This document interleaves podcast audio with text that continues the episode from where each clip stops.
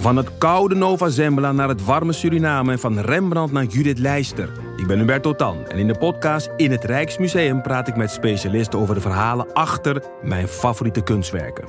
Nieuwsgierig? Beluister nu de nieuwe afleveringen. Ik ben Jacqueline en in de podcast Lust praat ik over relaties, intimiteit en alles wat met lust te maken heeft met ervaringsdeskundigen en experts. Of je nu in een relatie zit, single bent of iets daartussenin, Lust is de podcast voor jou. Overal te beluisteren, dus ook in jouw favoriete podcast-app.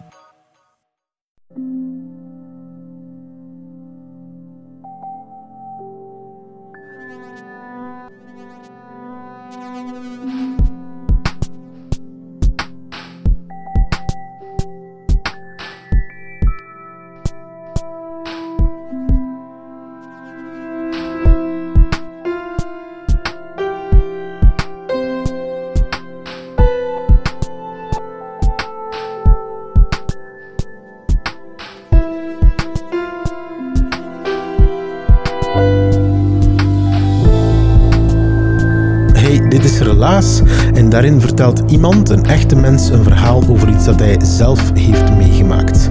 En dit is het verhaal van Wouter en zijn tante Magda. En ook wel over een skelet met een sombrero op die seks heeft met een vrouw. 1983. Ik, ik eh, ben 16 in 1983. 16 jaar. En op mijn verjaardag valt er een pakket voor mij in de bus, in de brievenbus.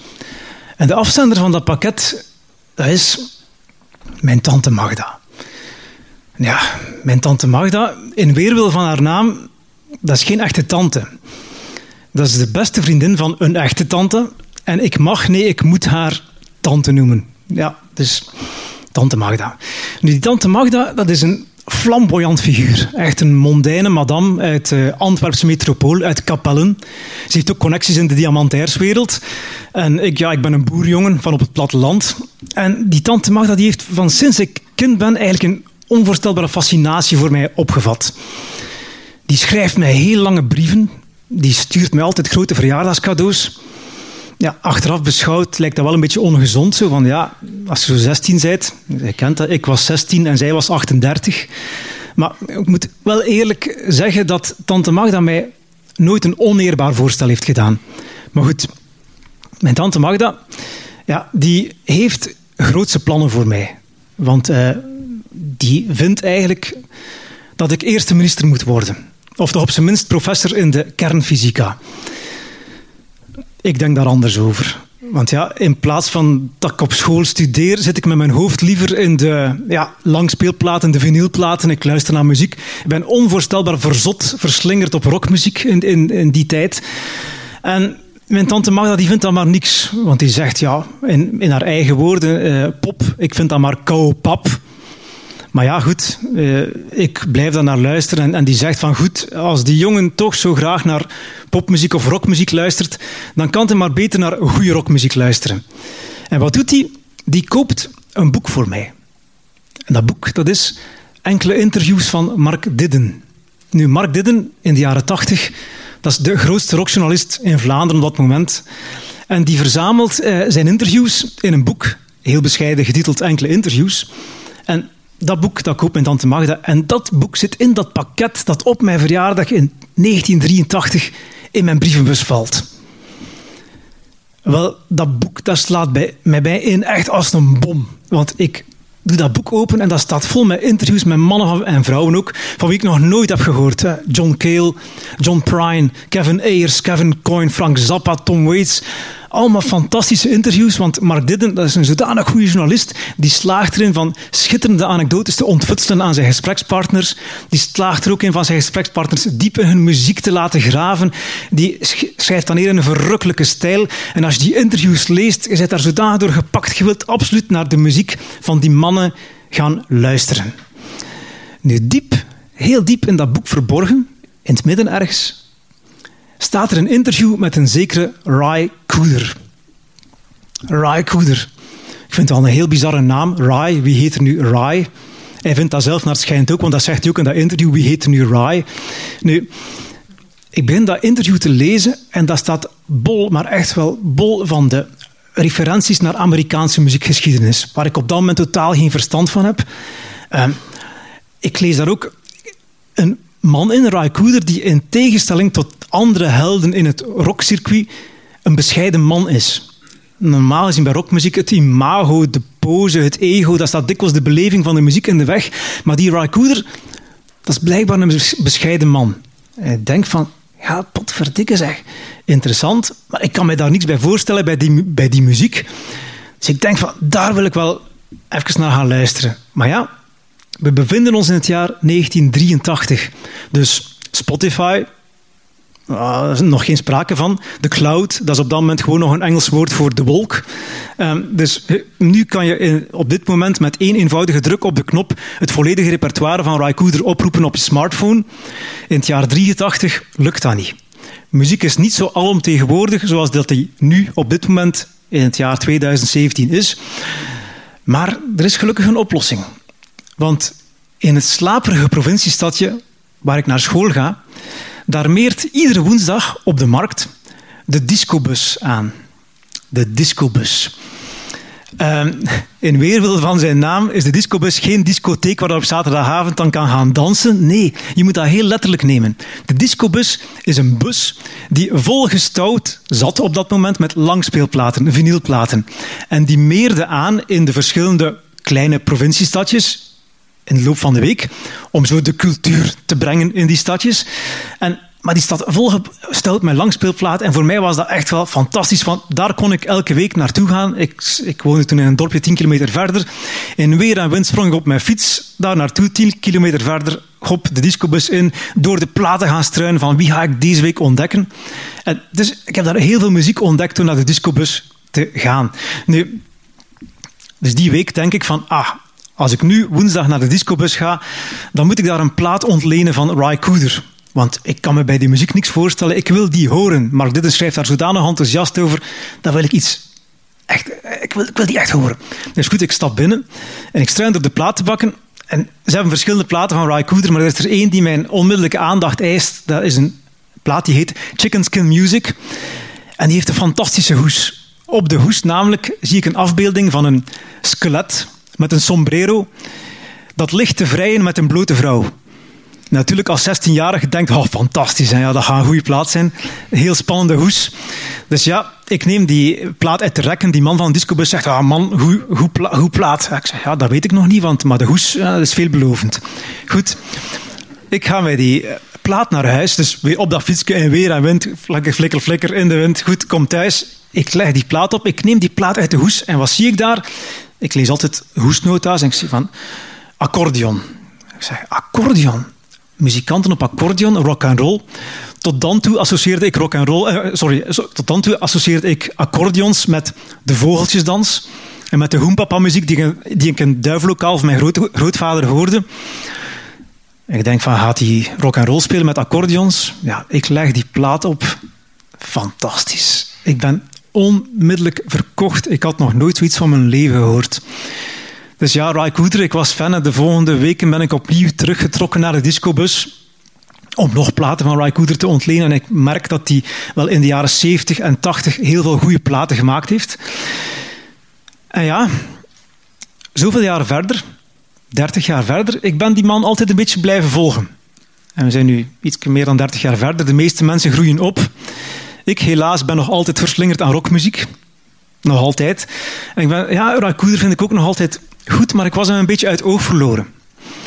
En in 2012, ik ben ondertussen journalist geworden en ik ehm, moet voor een interviewopdracht naar Londen. En ik slaag erin van te arrangeren dat ik daar een nacht mag blijven. Dan kan ik daar een beetje op mijn gemak rondwandelen. En ik ben in Londen en ik loop een paar boekwinkeltjes binnen, vind ik altijd plezant.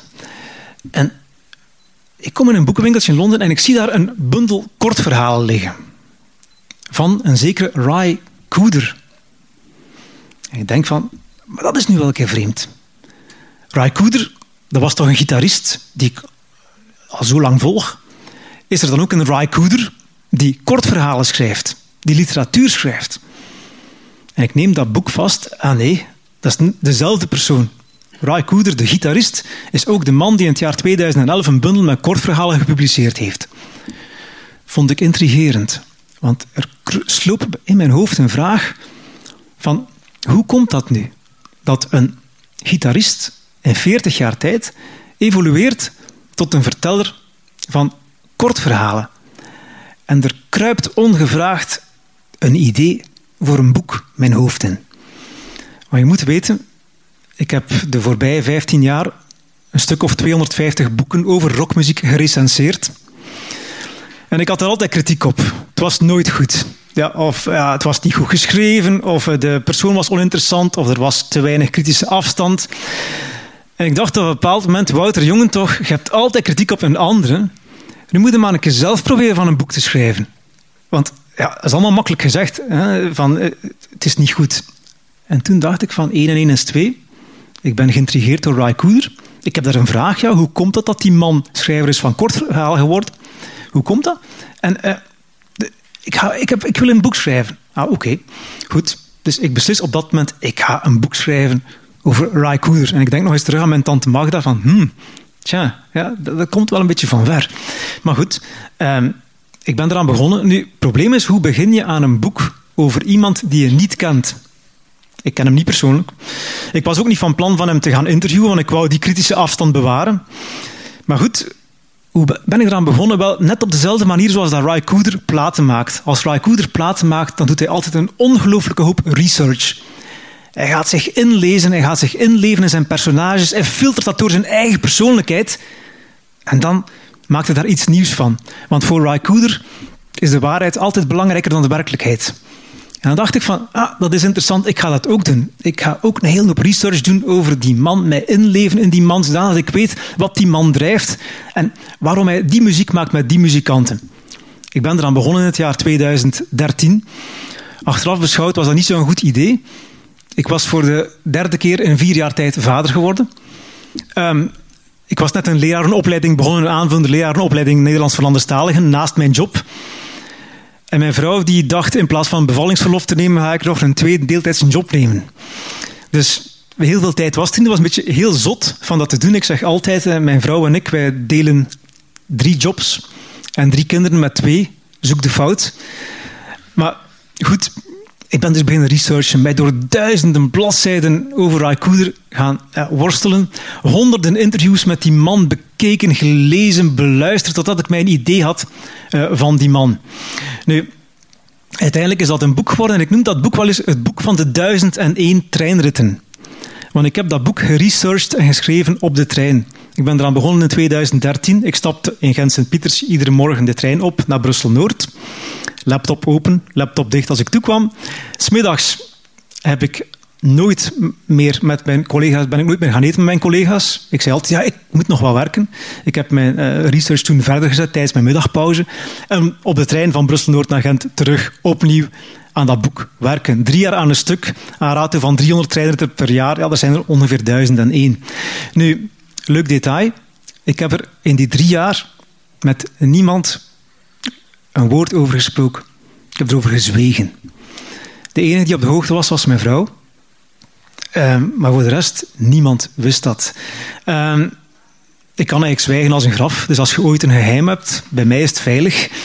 Um, het is wel zo dat een paar vrienden nadien, toen ik het hen vertelde, die waren wel een beetje boos. Die zeiden van, godverdikke, jij schrijft drie jaar aan een boek. Wij zitten zoveel op café samen en je spreekt daar nooit over. Ik zeg nee, want als je over een boek spreekt, als je eraan bezig bent, dat brengt ongeluk. Dus dat mag je niet doen. Dus ik heb het beetje tot in het extreme doorgedreven. Andere vrienden zeiden mij van ja, amai, kan je drie jaar werken aan een boek zonder te weten of je een uitgever zal vinden? Ik zeg ja, want het ging mij niet om de uitgever, het ging mij om de schrijfoefening. Ja, die is natuurlijk compleet uit de hand gelopen. Ja, uiteindelijk is dat boek gepubliceerd geweest. Uh, heel tof. Uh, het ligt er nu. Uh, mensen vragen mij van ja, die eh, oorspronkelijke vraag, heb je daar ook een antwoord op gevonden? Hoe komt het dat die man, dat die Ray Cooder, dat die eigenlijk getransformeerd is van een gitarist naar een verteller van kortverhalen? Wel, inderdaad, ik heb daar een antwoord op gevonden.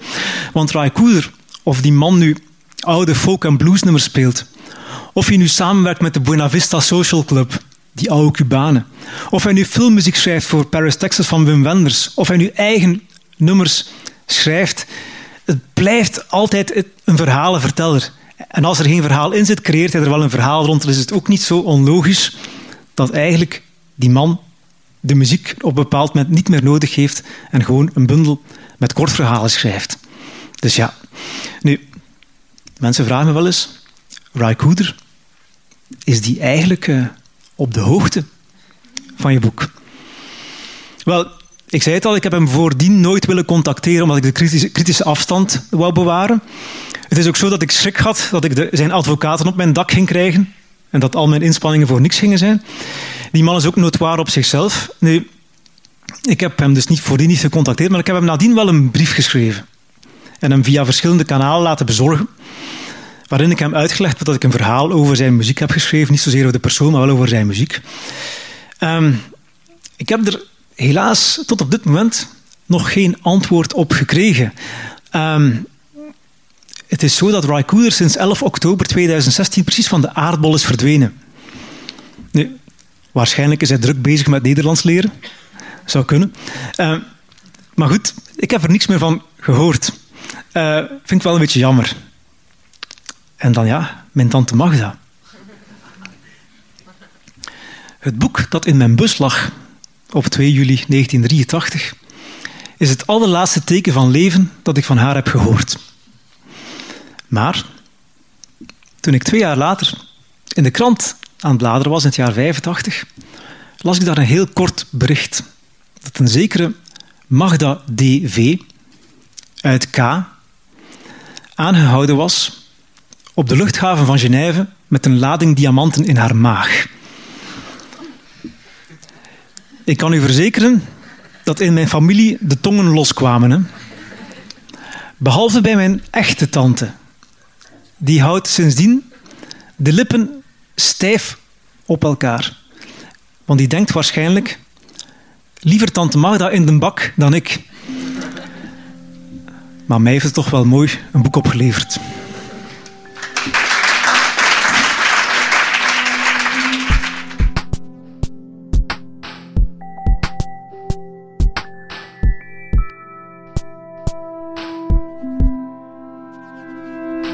Dat was het relaas van Wouter. Hij vertelde het in de Krok in Gent in maart van 2017. En dat boek van Wouter dat heet Raikouder, Meester in de Schaduw. Je kan het kopen in de betere boekhandel of ook op bol.com, heb ik gezien. Relaas is er dankzij de stad Gent, Urgent FM en REC. En we zijn sinds kort ook te horen op Stereo 03. Stereo 03, dat is de Antwerpse studentenradio. Dat betekent dus dat we op te beluisteren zijn op Urgent FM in Gent, op Quindo in Kortrijk en nu ook in Antwerpen op Stereo 03. Hoera! En het is een trotse bende hoor, die meewerkt aan Relaas. Ze maken radio, wij organiseren events, wij maken Facebook-posts, wij denken na over de toekomst. Of wij coachen vertellers. En wij zijn Timon van de Voorde, Dieter van Huffel, Ruby Bernabeu Plaus, Anneleen Schelstraat, Sarah Latré, Stefan Gruijaert, Philip Cox, Marlene Michels, Charlotte Huigen, Evert Saver, Katlijne de Vries, Anne van den Abeelde, Evita Nocent, Sarah de Moor, Steve Konaar, Wouter Dupré, Egwin Gontier en ikzelf ben Pieter Blomme. Je kan ons een pleziertje doen. Uh, als je de eindtune van deze podcast hoort, dat zal over enkele seconden zijn. Denk dan eens, met wie kan ik dit verhaal delen? Wie kan ik met dit verhaal een pleziertje doen? Stuur dat naar die persoon, hem of haar. En laat daar ook een persoonlijke boodschap bij na. En dan hebben wij er een luisteraar bij en kan jij van jezelf zeggen: Ik ben een goede vriend, want ik denk aan jou. Alle informatie over wie wij zijn, wat wij doen en wanneer de volgende vertelavond er is. www.relaas.be Voilà, Welkom in Nest Gent. Hier gaat het gebeuren. De allerbeste Vlaamse podcast en misschien ook wel deze live op het podium. Op 2 december is dat en gelukkig is het geluid hier eigenlijk ook wel goed. Bijvoorbeeld hier klinkt alles heel verzorgd en heel proper. Cool, hè? Je zal hier bestaande en nieuwe podcasts kunnen ontdekken, dus het is zeker de moeite om eens langs te komen. Alle info vind je op onze website podcastfestival.be en dan zie ik jou graag op 2 december in Nest Gent. Graag tot dan.